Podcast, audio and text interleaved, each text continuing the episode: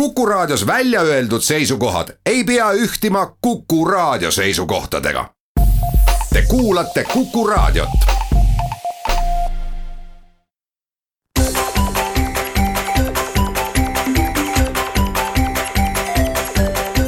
maksumaksja koostöös Eesti Maksumaksjate Liiduga.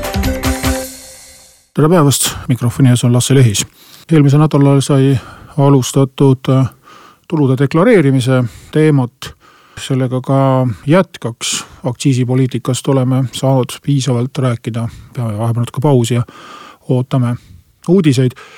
aga on mõned äh, valdkonnad, kus tulude deklareerimine võtab äh, natukene kauem aega kui nii-öelda põhimassil ja üks valdkond on või selline maksumaksjate grupp on füüsilisest isikust ettevõtjad.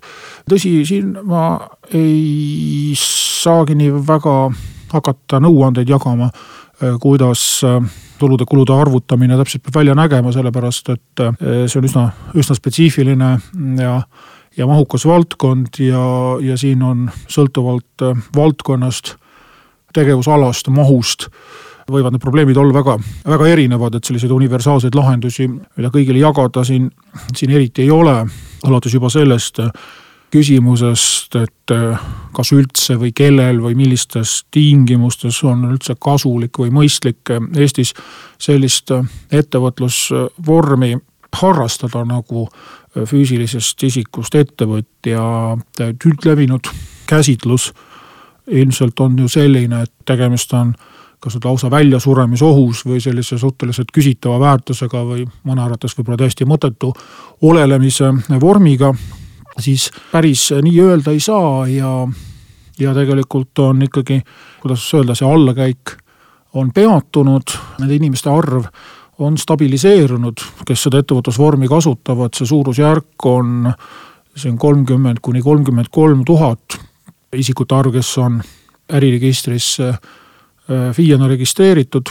tõsi, siit võib mõned tuhanded ilmselt äh, maha võtta, on äh, selliseid, kes esitavad nullidega deklaratsioone, see tähendab, et nad on nii-öelda igaks juhuks arve, nad kas ei ole tegevust alustanud või on tegevuse lõpetanud või, või on äh, mingisugusel põhjusel ennast arvele võtnud, et näiteks ravikindlustust saada või, või maad erastada või kalapüügiluba saada või, või omal ajal väga tihti sellised Äh, põhjused olid, et inimene tegelikult ettevõtlusega ei kavatsenudki tegeleda, aga igaks juhuks äh, ennast kirja pani, et äh, on Eestis siiski selliseid seadusi, kus on füüsilisele isikule antud mõningaid eeliseid juriidilise isikuga võrreldes ja neid seadusi ära kasutades siis võidakse selle ettevõtlusvormi kasuks valida. no üldine käsitlus, et miks see ettevõtlusvorm nagu selliseks hääbuvaks on tunnistatud, on eelkõige seotud sotsiaalmaksuga, nimelt on siis Eestis niinimetatud OÜ-tamine vohama läinud. ehk siis äh, võrreldes äh, paljude Euroopa riikidega on Eestis siis äh, noh, nii juriidilises mõttes, tehnilises mõttes, maksustamise mõttes kui ka võib-olla suhtumise või sellise kultuuri mõttes osaühingute kasutamine väga populaarne, neid on väga lihtne asutada, neid on ka suhteliselt odav pidada. äriregister on väga, väga paindlik, väga liberaalne kannete tegemisel ja on väga tugevad maksueelised juriidilise isiku kaudu tegutsemisel nii tulumaksu osas ehk siis jaotamata kasu või maksuvabastus, aga eelkõige ka sotsiaalmaksu osas ehk siis võimalus dividendina raha sotsiaalmaksu vabalt välja võtta, ehk siis taandub väikeettevõtja jaoks tihti see maksustamine sellele, et äh, kas on vaja ravikindlustust ja kui on vaja ravikindlustust, siis selle saamiseks piisab äh, miinimumpalgas, palga maksmisest täpsemalt öeldes eelmise aasta miinimumpalgast, me räägime praegu summast äh, nelisada seitsekümmend eurot kuus, mis peaks siis kas palgana või juhatuse liikmed tasuna maksma. tõsi, on veel ka lihtsamaid variante, ainult sotsiaalmaksu maksta ja tasu ennast üldse mitte maksta, et seda ületav äh, kasumi osa on siis soovi korral, kui inimene sotsiaalmaksu maksmist auasjaks ei pea siis äh, suhteliselt takistamatult tegelikult äh, osaühingu kaudu tegutsedes saab selle kasumi siis välja võtta, nii et tuleb ainult dividendidelt tulumaksu maksta. see on see põhiline erisus, mis siis osaühingu nii-öelda komeedina meie mm, ärimaastikul kõrgustesse lükanud, tõsi väga olulist nii-öelda püssirohtu on sellele tähelennule kaasa andnud siis aastal kaks tuhat üksteist rakendunud seadusemuudatus, mis lubab osaühinguid asutada nii, et kapitali ta suhteliselt tagasihoidlikku summat siiski, mm, kaks tuhat viissada eurot, ei pea ka üldse sisse maksma selleks, et osaühing äriregistris ära registreerida. et siit me oleme saanud siis juba äh, vähemalt viiekordse vahe kui me võrdleme osaühingute arvu ja, ja füüsilisest isikust ettevõtjate arvu. aga miks siis sellest FIE teemast äh, rääkida, põhjus on selles, et eelmise aasta lõpus äh, üldsusele küll suhteliselt märkamatult võeti äh, riigikogus vastu üks seadusemuudatuste pakett, millega kergendati äh, FIE-de maksustamist, tõsi, siin on sellist võib-olla pudi-padi või, või, pisiasju, aga ma arvan, et siiski nende inimeste jaoks, kes on jäänud truuks äh, sellele ettevõtlusvormile, äh, on nendest leevendustest kasu ja nad vähemalt võivad tunda, et neid ei ole ära unustatud, nende peale on mõeldud ja kui võimalik, siis ikkagi seadusandja on püüdnud küll jah, pärast pikka ootamist äh, siiski likvideerida päris paljud ebaõiglased kohad, mis meil seni on olnud äh, erinevate ettevõtlusvormide või erinevate tululiikide maksustamisel. ja nendest muudatustest nüüd tahakski rääkida. Kohe pärast väikest pausi, jätkame.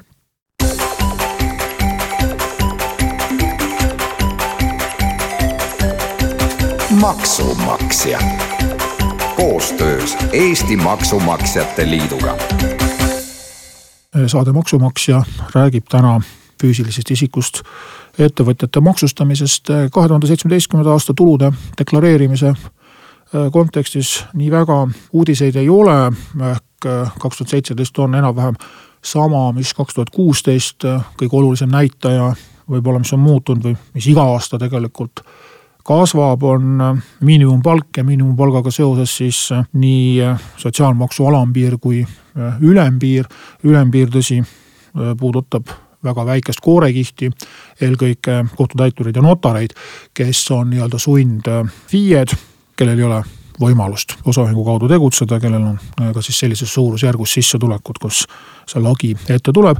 kui me räägime siin juuksuritest või taksojuhtidest, sellisest nii-öelda põhikontingendist, kes FIE vormi kasutab, siis nende jaoks ilmselt äh, on probleemiks rohkem alampiir, mis on seotud siis eelmise aasta miinimumpalgaga, nii et kui me räägime konkreetselt avansilistest maksetest, siis aastal kaks tuhat kaheksateist esimene makse tuleb teatavasti viieteistkümnendaks märtsiks teha, siis ühe kvartali makse on äh, nelisada kuuskümmend viis eurot ja kolmkümmend senti.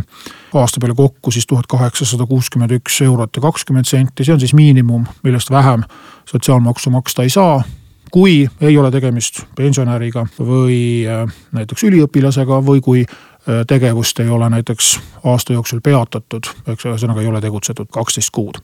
Ja lähmegi siis sujuvalt üle nende muudatuste paketi juurde, et äh, mis siis aastal kaks tuhat kaheksateist on teisiti. avansiliste maksete loogika on sama, mis varem ja järgmisel aastal siis võite arvestada, et viiesaja eurose kuupalga äh, baasil on need avansilised äh, maksed arvutatud aga muudatuseks on siis praegu see, et kahe tuhande kaheksateistkümnenda aasta avansilisi makseid arvutatakse enam äh, mitte kuu täpsusega, vaid päeva täpsusega. ja see tähendab, et kui näiteks ettevõtlusega on alustatud aasta keskel või lõpetatakse kuskilt poole aasta pealt või jäädakse pensionile või on näiteks üliõpilasega tegemist, siis ei arvutata mitte enam kuude kaupa, vaid täpselt päevade järgi siis see summa, mis on siis ettevõtlusega tegelemise aja nii-öelda päevade eest arvestatud sotsiaalmaks nii kvartali kui aasta lõikes siis on olnud probleemiks see, et on sotsiaalmaksu miinimumkohustusest rida erandeid ja need erandid kehtivad töölepingu alusel töötavatel inimestel, aga ei laiene äh, FIE-dele. ainus erand, mis FIE-dele laienes, oli siis pensionäri erand.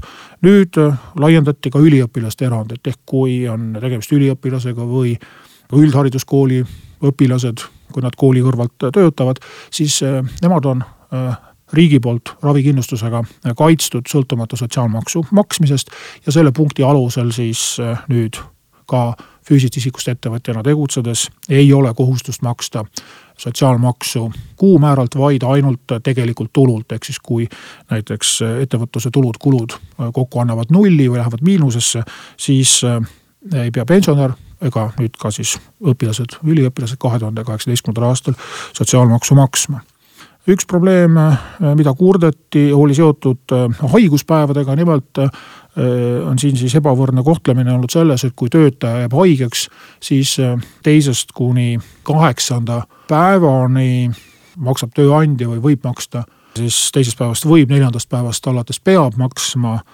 oma kulu ja kirjadega haiguspäevade hüvitist. ja töölepingulise suhte puhul siis peetakse tulumaks kinni ja ka sotsiaalmaksu tööandja äh, nendelt äh, hüvitistelt ei maksa. füüsilisest isikust ettevõtja puhul sellist sotsiaalmaksuvabastust ei olnud, leiti, et see on liiga keeruline aastapõhiselt neid päevi arvutada. nüüd on see võimalus antud, tuleb äh, tuludeklaratsioonis siis need päevad välja tuua, arvutatakse päeva keskmine tasu ja nende haiguspäevade tasu siis arvutatakse sotsiaalmaksuvabaks.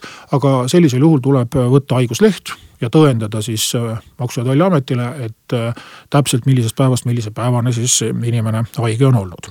rõõmus uudis on ka juba mainitud äh, notaritele ja kohtutäituritele.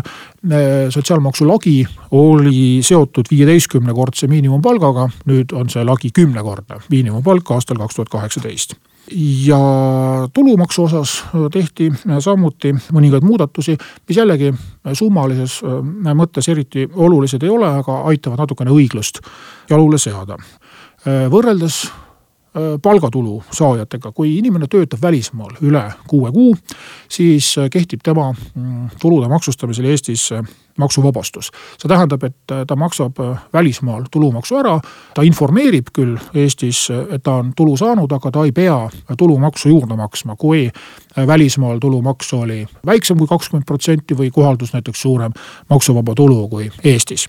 füüsilisest isikust ettevõtja puhul ei olnud sellist erandit, et kui mm, tegutseti välismaal ja maksti ka seal tulumaksu, siis tuli välismaal oma tulud-kulud deklareerida ja tuli ka Eestis nad äh, uuesti deklareerida ja võis tekkida väga palju erinevusi, raamatupidamise reeglid äh, võivad olla äh, ühes riigis ühtemoodi, teises teistmoodi ja sellest võis päris palju tüli tekkida. nüüd on antud maksuvabastus aastal kaks tuhat kaheksateist. kahjumite arvestamine on muutunud lihtsamaks, esiteks seesama miinimumsotsiaalmaks, kui näiteks alustav ettevõtja on teinud investeeringuid, tema kulud ületavad tulusid, siis Äh, varem ei olnud võimalik sotsiaalmaksu, mis ta ikkagi ka kahjumi korral äh, peab miinimummääralt maksma. seda ei olnud võimalik oma kuludele, oma kahjumitele juurde liita. nüüd alates aastast kaks tuhat kaheksateist on see õigus olemas. reklaamkingitusi, äriühingud saavad teha äh, kuni kümne euro väärtuses kingitusi oma äripartneritele, et oma ettevõtlust tutvustada. FIE-del sellist sätet ei olnud, nüüd on vastuvõtukulud juriidilistel isikutel oli kaks maksuvabastuse alust, kolmkümmend kaks eurot kuus pluss kaks protsenti väljamakstud palkadest. FIE-l oli ainult kaks protsenti kasumist. kui kasumit ei olnud, maksuvabalt vastuvõtukulusid äripartneritel teha ei saanud, nüüd saab. samamoodi kolmkümmend kaks eurot kuus. kahjumit saab FIE edasi nüüd kanda kümme aastat, varem oli seitse aastat. erikontot, noh, kes FIE-na on tegutsenud, teab, mida see tähendab, võib nüüd liigutada ühest pangast teise. see tähendab ühes pangas kinni panna, avada teises pangas raha sealt üle kanda, ilma et sellega siis mingeid maksu ümberarvutusi äh, kaasneks. ja viimane äh, puudutab erisoodustusi. nimelt äh, kuna füüsilisest isikust ettevõtja ei saa iseendaga töölepingut sõlmida, siis ei saa ta saata iseennast ka näiteks töölähetusse. ja on tekkinud selline jällegi ebavõrdne olukord, kus välisreisidel käies ei ole võimalik toidukulusid hüvitada, mida töötajate puhul me mm, nimetame päevarahaks, viiskümmend eurot päevas maksuvabalt saab seda teha, siis nüüd äh, saab samamoodi ka FIE oma välisreisidel toidukulusid kuni viiskümmend eurot päevas äh, maksuvabalt kuludesse kanda. ainult tal peavad olema siis dokumendid, toitlustuskulude kohta peavad olema kuludokumendid ette näidata, töötajatelt seda ei nõuta, töötaja peab jällegi esitama lähetusaruande, mida FIE puhul ei nõuta. ja üks muudatus, mis uuest aastast tuli, tööandjatel on nüüd õigus sada eurot kvartalis kulutada töötajate spordi ja terviseedenduse kulude peale.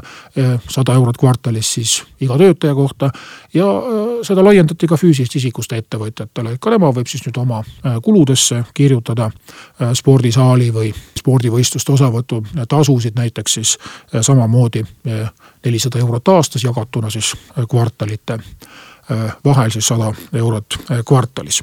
eks ole siis igaühe enda hinnata, kui oluliseks ta neid muudatusi peab. no vähemalt riigieelarve seisukohast äh, siin ei ole tegemist miljonitega, loetakse kümnetes, tuhandetes või sadades äh, tuhandetes seda võimalikku laekumata jäänud maksutulu. et äh, kauaoodatud kaunikene ta tuli ja võib-olla annab natukene julgust juurde nendele inimestele, kes ikkagi seda ettevõtlusvormi au sees hoiavad. tänan kuulamast, kohtume taas järgmisel nädalal.